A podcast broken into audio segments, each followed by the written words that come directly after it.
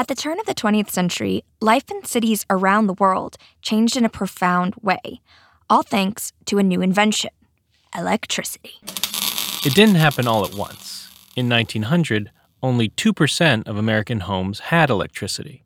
So the U.S. government gave utilities the green light to build huge power plants to electrify the entire country. In a span of 50 years, America went from 2% electrified to 80%. And then by 1955, just five years later, 99% of American homes had electricity.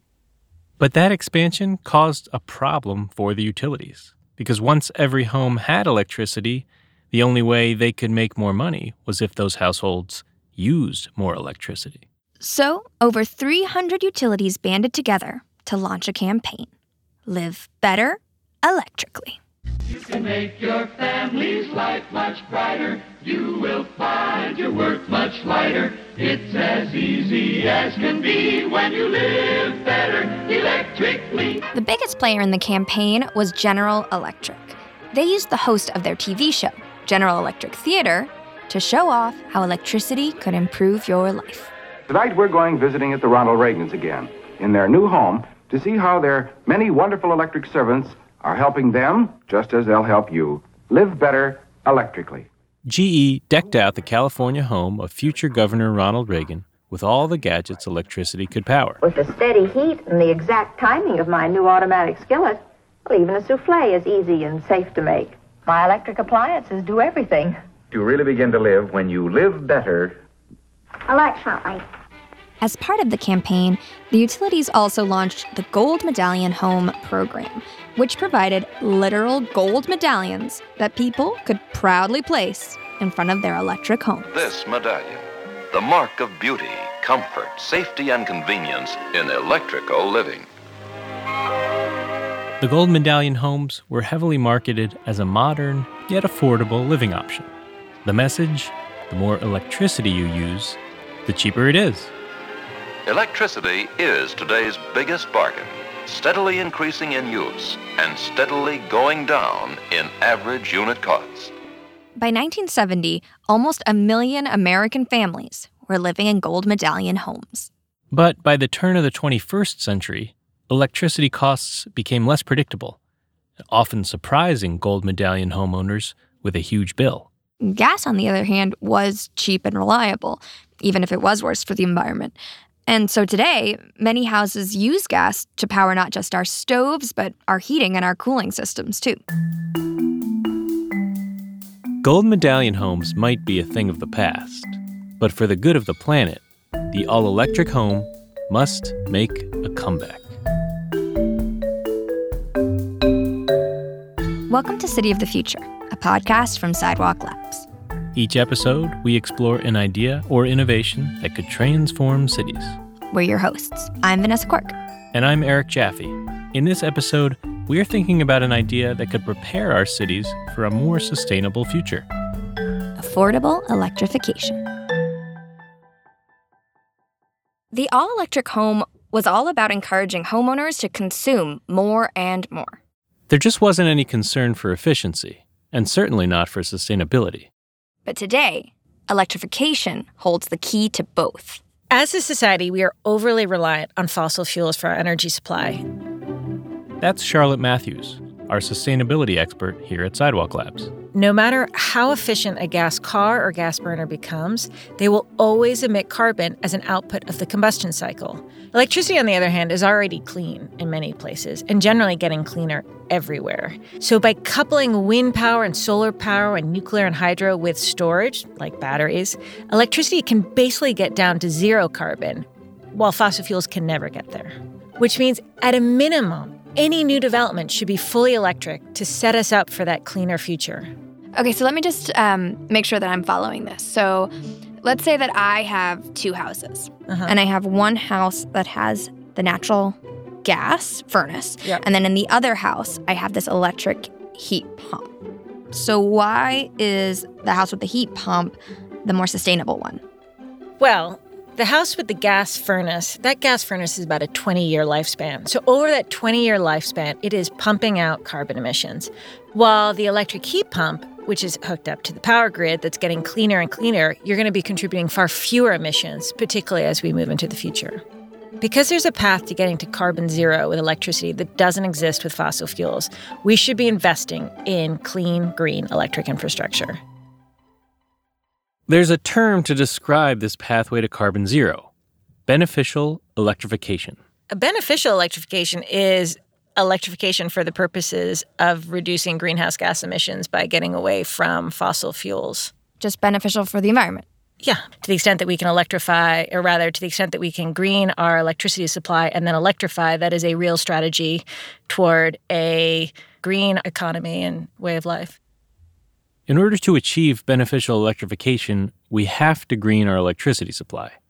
But what does that take? Well, to find out, I reached out to an expert who gave me some insight into a piece of infrastructure that you and I interact with every single day a little something called the grid. I'm Gretchen Bakke, and I'm a professor of anthropology. And I wrote this book called The Grid The Fraying Wires Between Americans and Our Energy Future, which sounds like a snooze fest, but is actually very exciting. It's been called a thriller for nerds, which is my favorite comment anybody has ever made about it.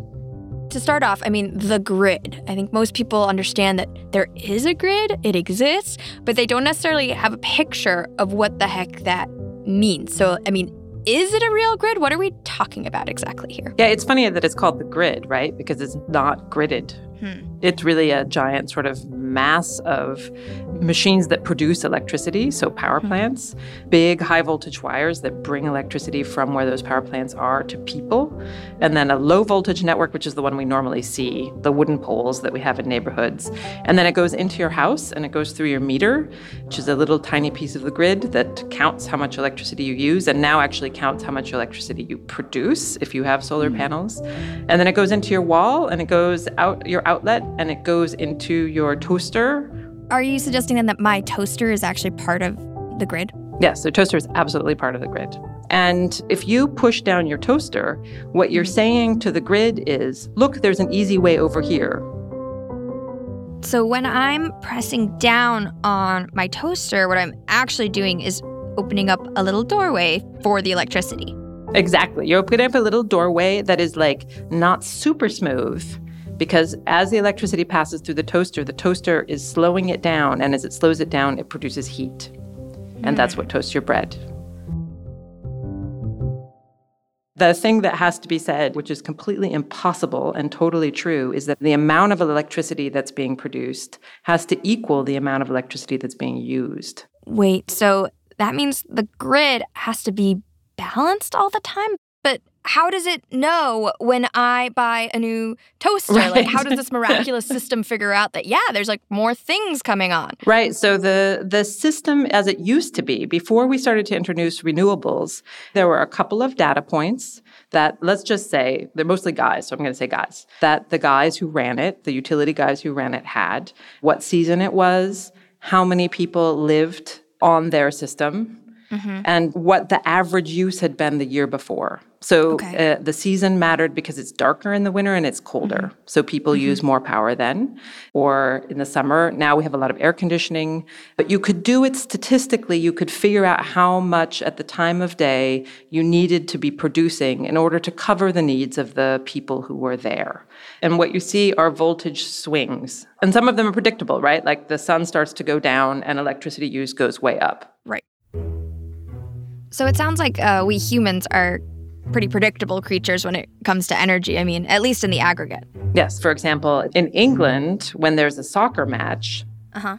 there's often a giant surge in electricity at the very end because there'll be an ad on TV and everybody will get up and they'll plug in their electric kettle to make a cup of tea. Ah!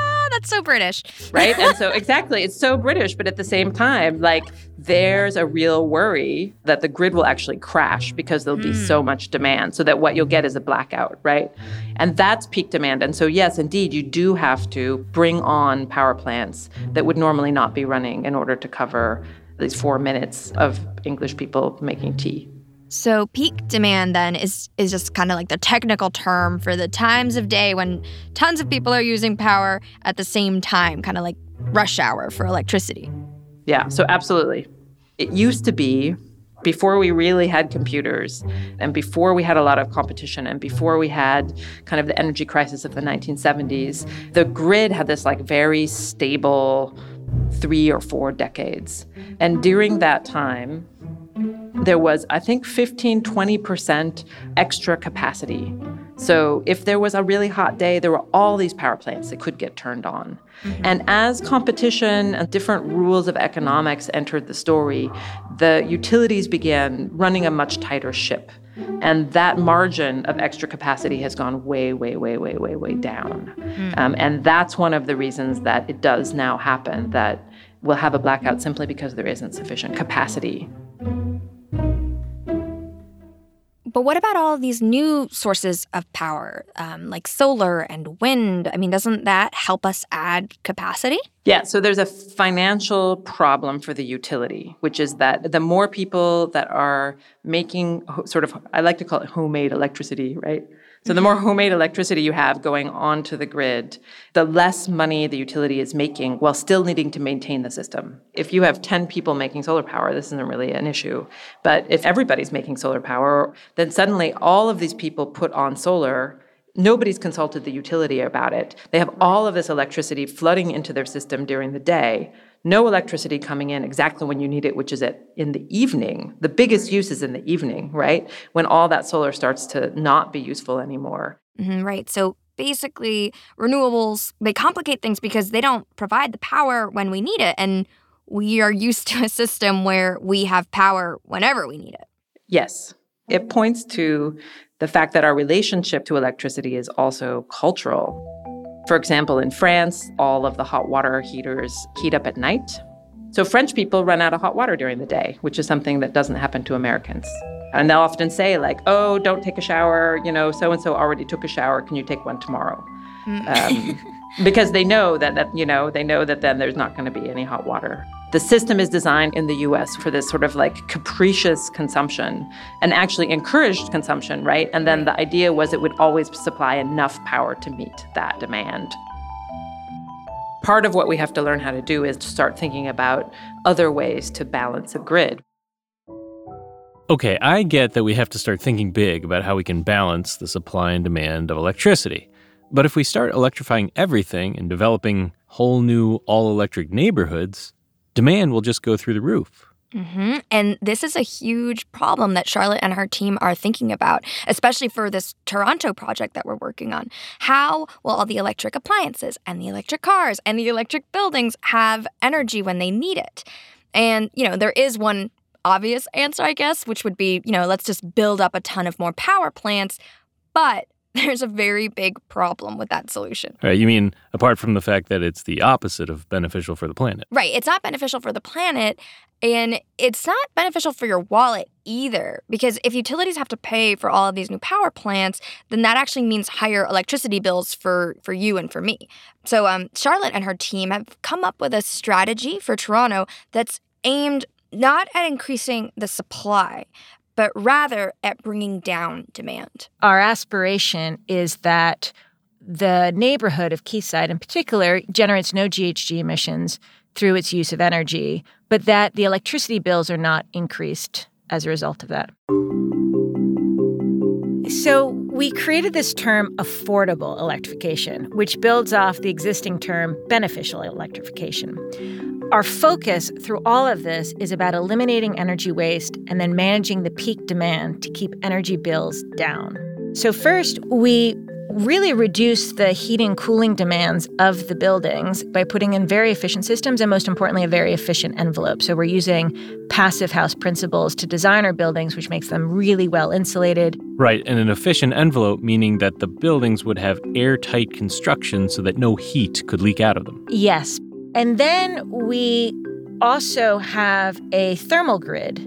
So, for instance, we're capturing heat from the wastewater from the buildings, and that heat can then be harnessed for us for domestic hot water production as well as heating in the winter. Okay, so we have plans to eliminate energy waste and create cleaner energy. But let's get to this idea of managing peak demand.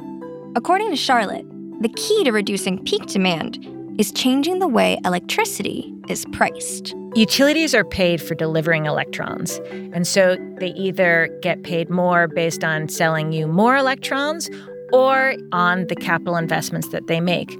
And that is generally new wires, new transmission lines, new distribution lines, more. But in the future, the business model should be that utilities make money based on how well they manage demand and carbon emissions. We're proposing that the cost of power actually change in a dynamic fashion based on how much power is being used on the grid. So, from a consumer angle, I think this dynamic pricing would mean that you pay more when energy is more expensive for the utility to provide and slash more unsustainable. That's right. You've got to actually have the price of power track with demand on the power grid. Okay, so like this makes sense to me. It's like instead of a fixed price, it's like surge price and the surge price doesn't just represent price, but how clean my energy is. But I'm also thinking that could actually be pretty complicated because if I don't know when this price is surging, my utility bill could kind of accidentally go through the roof. We believe that we can provide a predictable utility bill with the home scheduler, as we call it. Home scheduler that Charlotte and her team are developing is like a digital assistant. It would talk to your thermostat, to your toaster, your TV. And it would know how much energy you're using at a given time and how clean the energy is at that moment. And you'd see all of that on a simple app. So if I want to save money and also be, you know, energy responsible, I would say that I want my bill to be, I don't know, like let's say $100 a month. How does the home scheduler help me keep to that $100? The system will learn when, in order to meet that energy budget, something in the home has to change, something has to be turned off, or the thermostat has to be adjusted, and the person is given an option. And the person would then say, okay, actually turn off the television. I wasn't watching it anyway.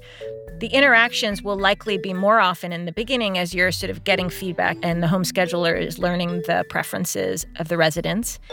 And then over time, it should probably fade into the background. And if there's absolutely no interventions, then the home scheduler could prompt, Do you want to reduce your energy budget? At which point, the person may be like, No, thanks, this is good. uh, or they may say, Yeah, let me save 10 bucks more a month. Mm-hmm.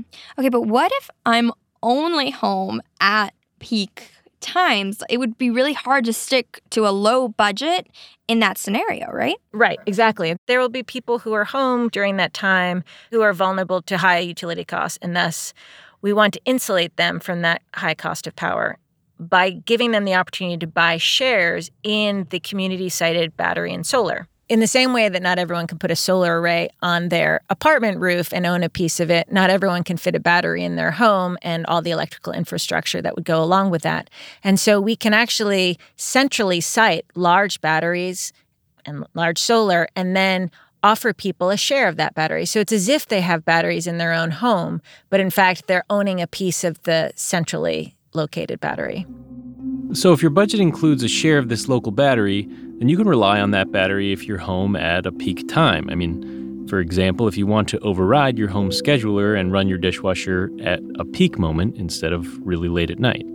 In this way, batteries will help reduce demand on the grid. And for cities to hit their sustainability and affordability goals, batteries are going to be a critical piece of infrastructure. Batteries are the future because they're enabling you not to size infrastructure to meet the peak.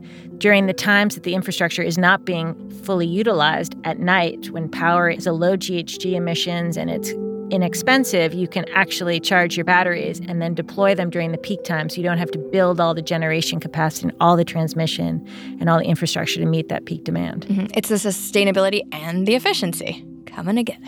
That's right. The last big breakthrough in batteries was lithium ion technology. That was about 28 years ago. But major advances in batteries seem to happen about once every three decades, so we are ripe for a new one. Battery startups and community batteries, they're popping up all over the world.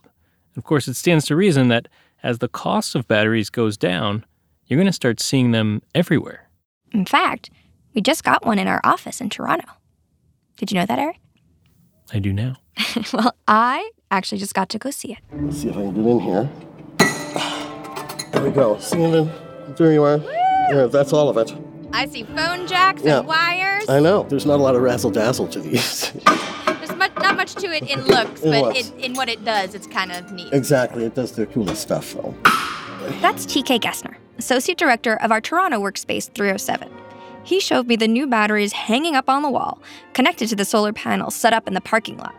And on the beautiful day that TK showed them to me, they were soaking up the sun. All the cells are collecting right now. And of course, this is a bifacial uh, installation, so it's collecting energy from top side and bottom side as well. Do you know how much electricity the battery can store? Off the top of my head, for sure, we'd have a day's worth for the appliances that we have connected to this battery.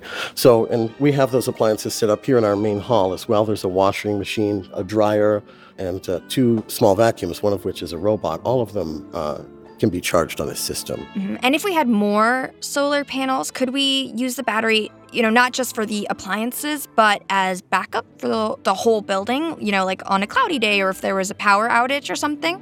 That's the idea, exactly right. We would want to store that energy in the battery so that if anything happened to our power supply here, we could, you know, rely on it to carry us through. Uh, think of this battery and this installation as the first step towards the future. Uh, here at 307, having the entire building uh, powered, or at least uh, with backup power on these batteries, and perha- potentially with the ability to serve power back to the grid. TK's last point is really important. Batteries, like the one at 307, they could one day serve power back to the grid and help provide cities with the clean electricity that they need. But we're not quite there yet. Today, more communities and cities are installing solar panels and batteries, but they're plugging them into the same old grid we've had for decades, a grid that wasn't designed for them.